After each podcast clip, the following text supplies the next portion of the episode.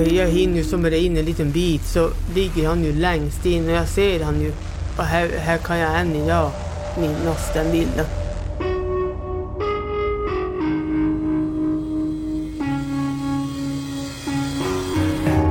Jag måste ju säga det är ett av de värsta jag har, jag har sett. Det handlar om ett kallblodigt rånmord i enslig mark. Kalla pojkarna alltså, de var ju här då. De var här på kvällen och då de kommer hem blir de dräpta.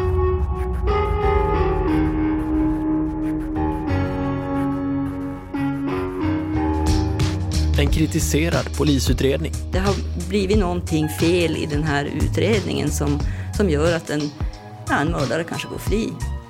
Ett mordåtal utan teknisk bevisning. Utom allt rimligt tvivel är det ju inte. Det är det inte. Till slut återstår bara en mans ord. Alltså jag tycker att han sitter bra där han sitter. Som ger en annan man livstidsfängelse. Sen hur vet man att jag hörde han planera det här den här påsken? Hur vet man det? För mig är det inget problem. Jag vet, jag var där. Men hur vet man det? Det här är Spår. Karlamarksmordet. Jag heter Anton Berg. Karlamark. 23 kilometer väster om Piteå. Mars 2015. Ja, där borta är någonting. Där borta. Uh, Okej. Jag och kollegan Martin Jonsson närmar oss en enslig gård som nu ligger öde. Vi ska bort till luckan ovanför snedtaket där borta. Det är luckan. Det är där det händer. Det var här allting började. Och det var så här mördaren närmade sig platsen och sina offer. Genom skogen, genom snön, fram till en av ladorna. Ja, men den där luckan är. Jo, men där är det. Här är det. Ja, här är det. Så det är en ganska liten lucka. Vi står på platsen där mördaren ska ha befunnit sig 14 april 2004. Här finns en lucka ovanför ett snedtak där mördarens ben observerats av ett vittne i samband med att han tog sig in i ladan. Jag står här. Framför oss ser vi en typisk Pitegård där mansgårdsbyggnaden består av ett rödmålat avlångt hus med fyra stora fönster på långsidan och en dörr i mitten. 2004 bodde två äldre bröder tillsammans här. De bodde ensamma, men inte isolerat. De umgicks med mycket folk och många i bygden pratar fortfarande om bröderna med stor värme. De var ju som kända i hela trakten, de här två bröderna. Då. De kallades ju för Kalla pojkarna. Tore Falgren var bara 13 år när mordet skedde. Och man brukar se dem på pizzerian och äta ofta. Och, eh, sådär. De hade nog haft mycket att göra med de flesta folk. Och de var ju ofta till oss på besök och man bjöd dem på mat. Och... De var ju här, de bodde nästan här. Margit och Rune Riström bor några kilometer från Kalamark.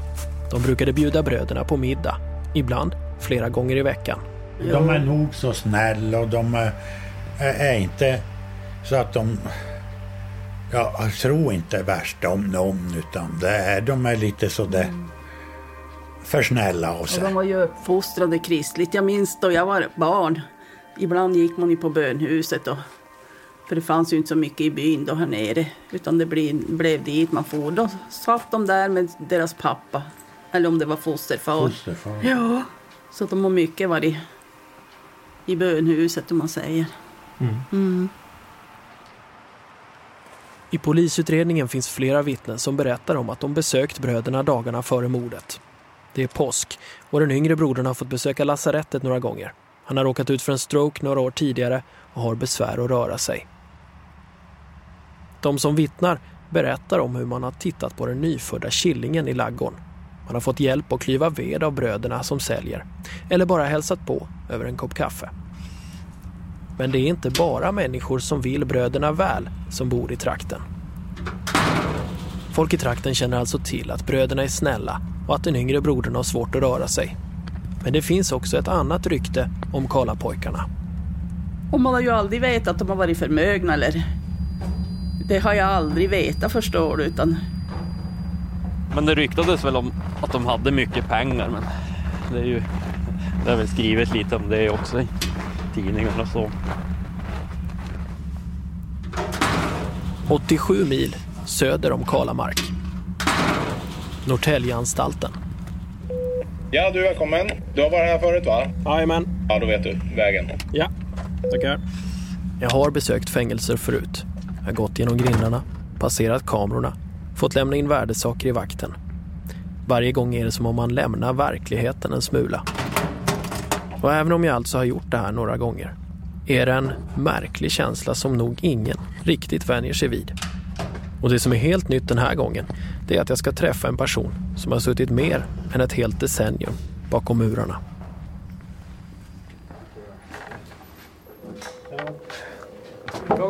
Anton. Så är det. Tack. Det här är Kaj Linna. Ja, jag heter Kaj Linna. Sitter inne på mitt snart elfte år avslutat på fängelse. Och du sitter för någonting som, ja hur skulle du själv vilja säga att det är?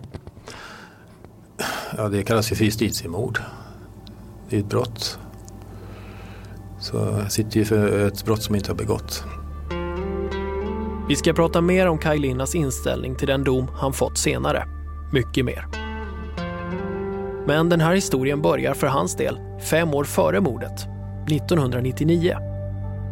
Då befinner sig nämligen Kaj Linna nära Kalamark. Då tillsammans med en person som vi kallar Bertil. Ja, det var ju Bertil som eh, stötte på mig då och han eh, kom hem till mig eh, en dag och sa att han har varit och hälsat på några som han kallar då för köptorskar. De köper vad som helst. Och du kan säkert sälja ett kassaskåp till dem ungefär i de orden. Och eh, det tyckte jag var jätteintressant. För att eh, om jag kunde sälja ett kassaskåp så då, då kunde jag tjäna nästan en veckolön på det. Rakt upp och ner. Så jag sa det är klart vi kan åka ut och prata med dem. Tillsammans åker Bertil och Kaj ut till Karlapojkarna för att höra om de skulle vara intresserade av att göra affärer. Och eh, mycket riktigt, eh, de var inte speciellt eh, eh, vad säger, anti mot att köpa ett kassaskåp av mig. Det ville de gärna göra. eh, så de köpte ett kassaskåp. Man hjälps åt, bröderna Kaj och Bertil. Man bär in det 440 kilo tunga Hadak-skåpet i stora rummet på nedervåningen. Det som Karlapojkarna kallar salen.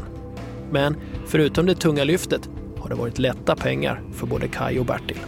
Ganska bra betalt. Jag tror vi tjänade på den affären, man kan himla med ögonen, 21 000 kronor rent efter att vi har dragit av kostnader för skåpet. Då. Det delade vi 50-50. Sen när vi åkte därifrån, kommer jag ihåg, då såg jag, då låg det i mittkonsolen två sådana här brickor som skulle vara på gångjärnen. För vi hade lossat eh, själva dörren för kassaskåpet. det är enorma tyngder på de här sakerna. Så att eh, vi hade lossat på dörren. Och det gångjärnen måste de ju ha för annars funkar ju inte skåpet överhuvudtaget. Så då sa ju Bertil att han ska åka tillbaka och lämna dem senare. Och eh, ja, där, där eh, skildes vi så att säga. Så vad jag inte visste då det var ju att eh, Bertil åkte tillbaka dit, inte en gång och inte två gånger utan om och om och om igen över åren. Va? Och tyckte att de var, han använde ordet mjölkkor. I polisutredningen finns kvitton från Bertils affärer med bröderna. Det handlar till slut om hundratusentals kronor som bytt ägare. Men till en början rör det sig om 4, 5, 6 tusen för nya brandsläckare. Han arbetade då med att sälja brandsläckare. Ja, det kom ju hit några brandsläckarförsäljare. Den 13 april 2004 kom de. Även makarna Riström fick påhälsning av en kringresande brandsläckarförsäljare. Jag ringde Margit och Rune bara en timma tidigare före mitt besök. En chansning. De kände ju bröderna och de vittnade om märkligheter i trakten i polisförhören.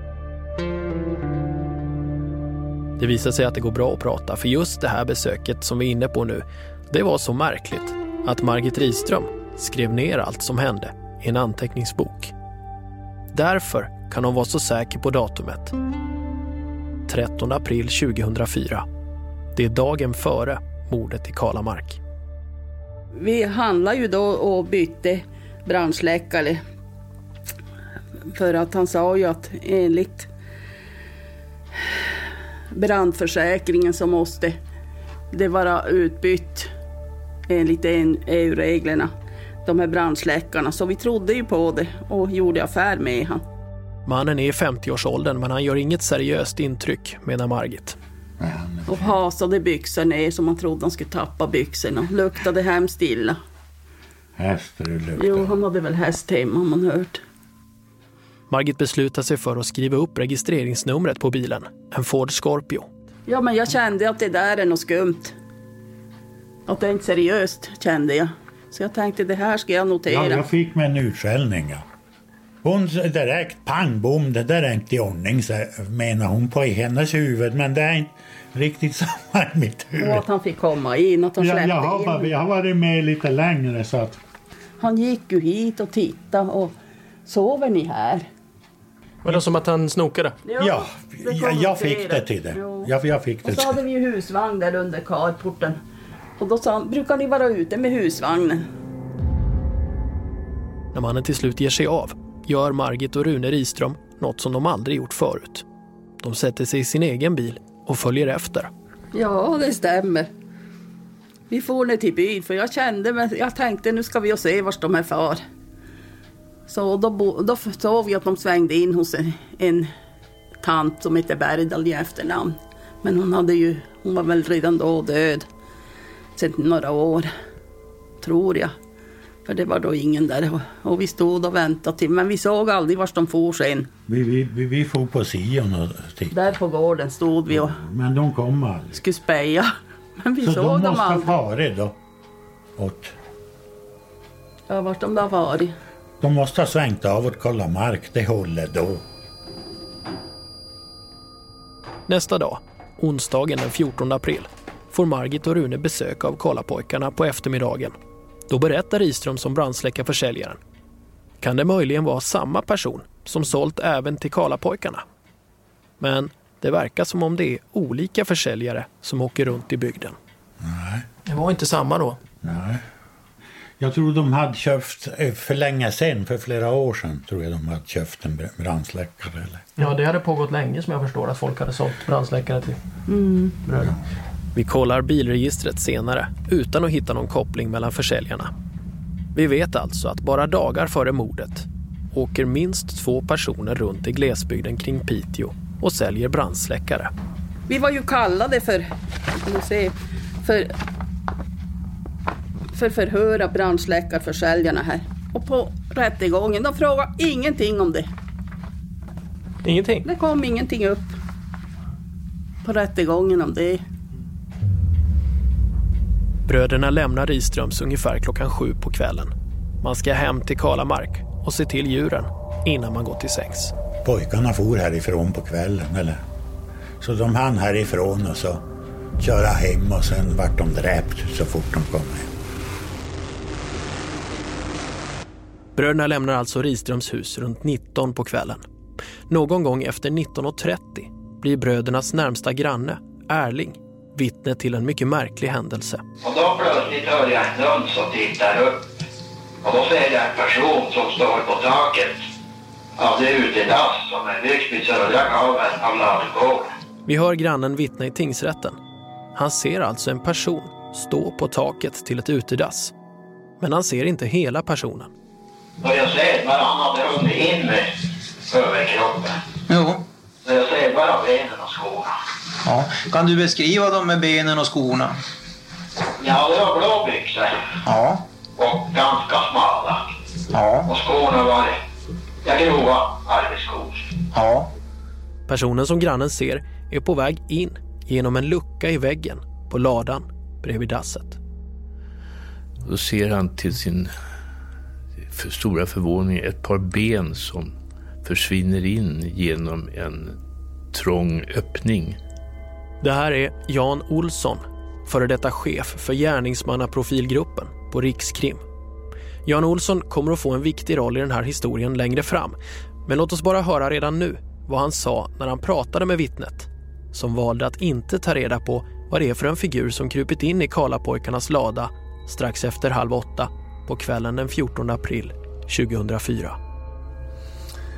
Jag, då, jag sa det till honom att det var nog tur att han inte gick och tog reda på vem som hade krupit in där, för då hade han väl inte levt idag. Ryan Reynolds here from Mint Mobile. With the price of just about everything going up during inflation, we thought we'd bring our prices down. So to help us, we brought in a reverse auctioneer, which is apparently a thing. Mint Mobile unlimited premium wireless. Ready to get 30, 30, bit to get 30, bit to get 20, 20, 20, bit to get 20, 20, bit to get 15, 15, 15, 15 just 15 bucks a month. So, Give it a try at mintmobile.com/switch. slash $45 up front for 3 months plus taxes and fees. Promo rate for new customers for limited time. Unlimited more than 40 gigabytes per month slows. Full terms at mintmobile.com. If you're looking for plump lips that last, you need to know about Juvederm lip fillers. With Juvederm Volbella XC and Juvederm Ultra XC, your lip look, whether it's subtle or bold, can last up to one full year with optimal treatment and no additional maintenance. Find a licensed specialist and see if it's right for you at juvederm.com today. That's J U V E D E R M.com. Add fullness to lips in adults over 21 with Juvederm Volbella XC or Juvederm Ultra XC. Do not use if you have severe allergies or a history of severe allergic reactions, or if you're allergic to lidocaine or the proteins used in Juvederm. Tell your doctor if you have a history of scarring or taking medicines that decrease the body's immune response or that can prolong bleeding. Common side effects include injection site redness, swelling, pain, tenderness, firmness, lumps, bumps, bruising, discoloration, or itching. As with all fillers, there's a rare risk of unintentional injection into a blood vessel, which can cause vision abnormalities, blindness, stroke, temporary scabs, or scarring. For full important safety information, visit juvederm.com.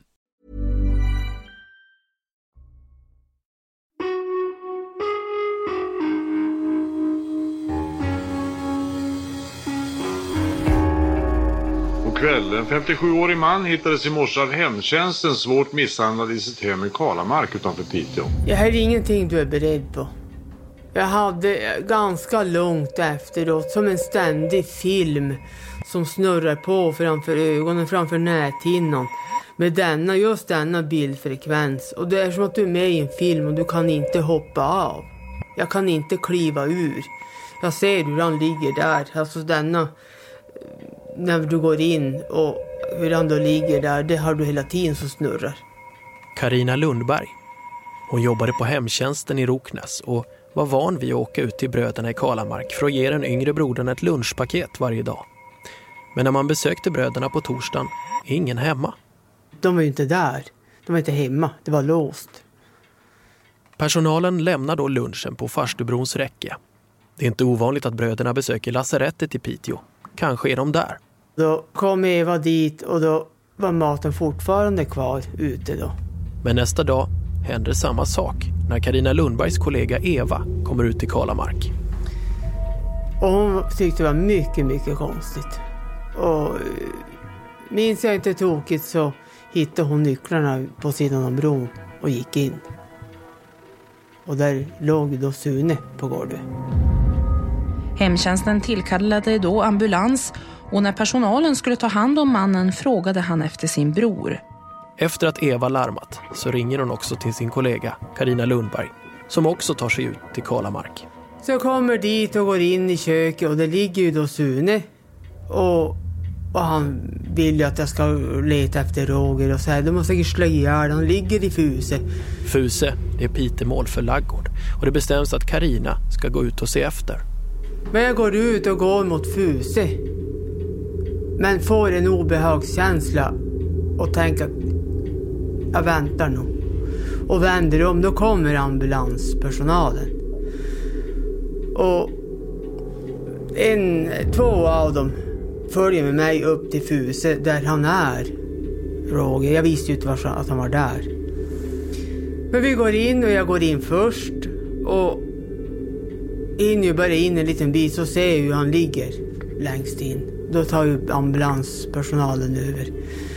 Men eh, det här är lite märkligt det där. De här hade djur i detta uthus, i detta fuse. Men du hör inte ett pip från djuren. De känner nog på sig att någonting är galet där inne. Men Roger ligger ju där, ihjälslagen. Och här, här kan jag än idag minnas den bilden. Hur han ligger på mage med bakbundna armar. Men jag har, han har skottkärran över sig. Så att jag ser inte huvudet. Men jag ser bara att han ligger där. Och här var väl tur. Han var ganska demolerad. Har jag hört. Ganska plågad så. Jag måste ju säga det är ett av de värsta jag har, jag har sett. Våldsbrotten mot en helt oförvitlig människa. Det här är Ivan Wikström. 2004 var Ivan Wikström kriminalkommissarie på länskriminalen i Luleå och det var han som till en början ledde förundersökningen om mord och grov misshandel i Kalamark. Ja, vi kunde konstatera att eh, vederbörande offret inne i ladugården hade överrumplats från övre våningen där gärningsmannen hade hoppat ner ifrån en, en foderlucka och ner i lagårds eh, bottenvåningen. Och där hade han blivit, eh, brottsoffret hade blivit inträngd i ett hörn. Han kom sig inte ut annat än via en, en eh, reservdörr. Och han hade lyckats tydligen ta sig ut och våldet har skett på utsidan. Det fanns blod eh, som anträffades där. Sen har han släpats in i ladugården igen och lagts eh, på golvet. Om han var vid liv då vet jag inte. Efter dådet i ladan har den yngre brodern fått besök inne i boningshuset. Eh, och, och sedan att man då går in och misshandlar eh, och pressar eh, den återstående bonden på pengar och misshandlar honom så till den grad att han eh, inte förmår sig att eh, söka räddning. Det är också illa. Det tyder på att eh, det är, har varit väldigt grovt våld hela vägen i det här. Han har blivit slagen och plågad. Och jag har för mig att han var bunden då. Karina Lundberg ser ett stort sår i huvudet på den yngre brodern. Kollegan Eva har klippt av snörena som han har varit bunden med och gett honom vatten. Och nu hjälper man honom upp från köksgolvet. Hade ju legat där. Han hade väl legat i sängen men tagit sig till köket. Men har ju tuppat av det emellanåt. Så ordentligt plågad är ju han också så de tar ju med han då, ambulanspersonalen. Är han liksom redig eller är han yr eller går det att prata med honom ordentligt? Nej, nog jag upplevde han ju ändå, som jag kommer ihåg det, som ändå ganska klar.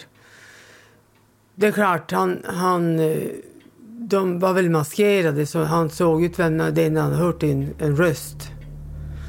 Men nu var han ju relativt klar när jag då pratade med honom. Ja, den yngre brodern hör rösten på den man som misshandlar honom. Enligt polisen är det samma man som mördat den äldre brodern i så fall en mördares röst. Och den yngre brodern är säker på att han har hört den här rösten förut. Den här överlevande brodern som var skadad, han tyckte sig känna igen den här rösten från den här personen som kom in och hotade honom. Och då eh, kunde vi ju snabbt konstatera vem han avsåg. Den tillhör en person som besökt bröderna flera gånger. En gång 1999, då han sålde bröderna ett kassaskåp. Din första tanke när... när... Eh, ja, jag trodde först jag var den här Ja. För uh, det var ungefär Varför trodde du det? Ja, lite mer tankar for dit. Vi hör den yngre brodern vittna i tingsrätten. Så här berättar han om överfallet på kvällen 14 april 2004. Den äldre brodern hade gått ut till laggården för att fodra djuren för kvällen.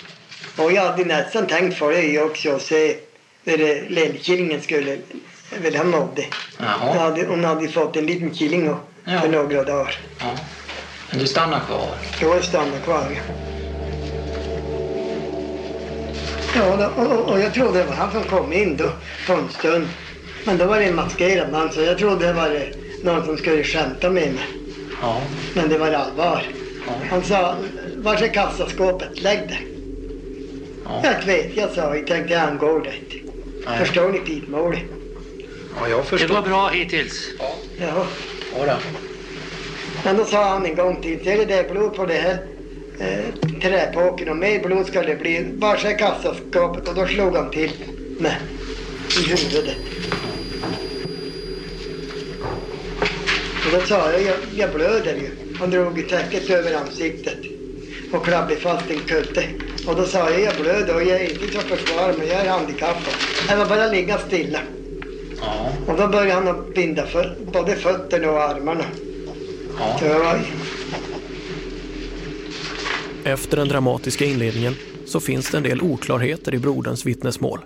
För den han pekar ut är inte den som dömts för brottet. Det är inte Kajlinnas röst han hört. Den tillhör istället Bertil. Det är den yngre brodern helt klar över redan när han hittas av hemtjänsten. I ett tidigt förhör så säger du att hans röst var identisk med röst. Stämmer det? ja. Ja då. Det var identiska röster. Ja då. Så brodern pekar alltså ut Bertil, mannen som var med Kajlinna vid kassaskåpsaffären 1999, men som senare också sålt brandsläckare till bröderna. Var det något annat än rösten du kände igen eh, på gärningsmannen som är relaterat till Var det någonting med kroppen? Nej, Ja, ganska lik den där. Samma längd? Ja, Ja. så mina tankar for direkt till att det är han. Men trots att Sune varit så tydlig med sitt första utpekande så känner han senare inte igen Bertils röst. Polisen har gjort en röstrekonstruktion och där ingår både Kajlinna och Bertil tillsammans med åtta andra personer. Sune känner då inte igen någon av rösterna. Vi hör åklagaren. Kommer du ihåg att du fick eh, lyssna på en bandspelare Ja med en massa personer som, Ja som sa något konstigt? Ja då, men Hur, hur var det? Eh, Kände du igen någon där som du Nej. tror var den som har gjort det där? nej, nu var jag tveksam. Ja. Jag vill minnas att du, att du pekade ut någon polisman på rösten. Ja, Någon som hade varit med och, och var med för att fylla ut så att säga. ja. Dialekten stämmer in på Bertil, men inte på Kajlinna. Men både Kaj och Bertil var ju med och baxade in det tunga kassaskåpet. Båda vet alltså vart det står. Ingen av dem behöver fråga det som Sune menar att gärningsmannen undrade. Var är skåpet? Och det här blir mer komplicerat än så. Kajlinna tror nämligen inte att det är Bertil som utfört dådet, trots det tydliga utpekandet. Det kan jag säga för det första, jag är fullständigt övertygad om att Bertil inte är gärningsmannen. Så det, jag är fullständigt övertygad om att eh, Sune misstar sig. Men att han gör det, det tror jag beror till stor del på att Bertil har varit som en skugga över den här eh, bröderna i många, många år. God kväll, men vi börjar med det brutala mordet i Kalamark utanför Piteå. I bröderna Roger och Sunes hembygd har skräcken börjat släppa. Ja, ja det, det, det var ju en lättnad för, för ja, mig personligen och, och för hela bygden och för hela infjärden. De har ju, de har ju verkligen levt i, nästan i skräck en del. Gunnel Ekman är journalist på Piteå-tidningen och hon minns hur stämningen runt Piteå var i samband med rånmordet. Det är ju den reaktion som man får från hela Pitebygden att det här kan inte vara sant. Det, det kan inte hända, inte här. Och de som då naturligtvis bor närmast och jobbar i närheten och så, de, de var i chock. Hur media behandlar fallet kommer spela roll för hur centrala personer sen agerar i den här historien. Den yngre brodern menar att skälet till att han, nu när han vittnar i rättssalen, inte längre är så säker på att det är Bertil, det kan bero på det han har sett på TV. Polisen har drabbats av ett svårt bakslag i jakten på Karlamarksmördaren. 33-åringen som sedan i söndags har suttit gripen släpptes för ett par timmar sedan på fri fot. Vad är det som har fått dig att börja fundera och börja tänka i andra banor? Man har börjat tänka kanske det var någon annan. Mm. Och då då man har hört på Nordnytt att det, Är det media som har fått dig för att tänka i andra banor? ja, jag tror nog Det är media. Ja, man har hört på TV, TV4 Norrbotten, de, de säger mer de, än på T- TV2 Nordnytt. TV4 i Norrbotten säger att det kanske är någon annan än och då har du Ja. börjat fundera om det var han. I media framstår det som mer och mer klart. Det som polisen nu för fram. Det är Kajlinna som är gärningsmannen och som ska fällas. Vi har alldeles precis gått ut med ett pressmeddelande som säger att vi har en man i 40-årsåldern, han är anhållen i sin frånvaro på sannolika skäl misstänkt för mordet i Kalamark här i Piteå. Kaj Linna själv menar att media spelade en avgörande roll för hur han sågs av vittnen och domare. Men vilken jävla rätt går polisens presstalesman ut i media och säger det är Kaj Linna som har gjort det här. Vi är helt säkra på vår sak. Och eh, nu är vi, kan man säga, på ett huvudspår. Du säger huvudspår, vad menar du då? Att eh, vi känner att utredningen nu är i, i vi har fokuserat på, på en eh, särskild person och utredningen har nu inte, vi har kunnat ta bort eh, andra. Och det, är liksom, det är klart att man, jag blir förbaskad. Jag blir det. Och eh, liksom, ja, ska jag bara släta över det och vara vänner och nu ska vi lösa det här liksom. Och, jag menar, de har ju klart och tydligt liksom markerat, väldigt klart och tydligt markerat sin inställning. De är fiender. Det är inga som jag tar i hand och försöker att kompromissa och komma överens med. Absolut inte. Så ser jag på det hela. I nästa avsnitt av Spår. Norrbottenspolisen anklagades ju för att ha gömt undan saker i slasken och... Efter mordet startar polisutredningen och det handlar om en utredning som redan från början präglas av märkliga beslut. De motsättningarna där är förmodligen förklaringen till att utredningen börjar så, så taffligt. Alltså att det, det, folk lyder ju inte honom när han ger beordrar om att göra saker. Spår har pratat med den inledande förundersökningsledaren som idag själv beskriver hela polisutredningen så här. Det här var ett gungfly, utredningen, när jag lämnade den och jag tycker att den var det även fortsättningsvis också. Eh, det är ett gungfly. Och eh, utom allt rimligt tvivel är det ju inte. Det är det inte.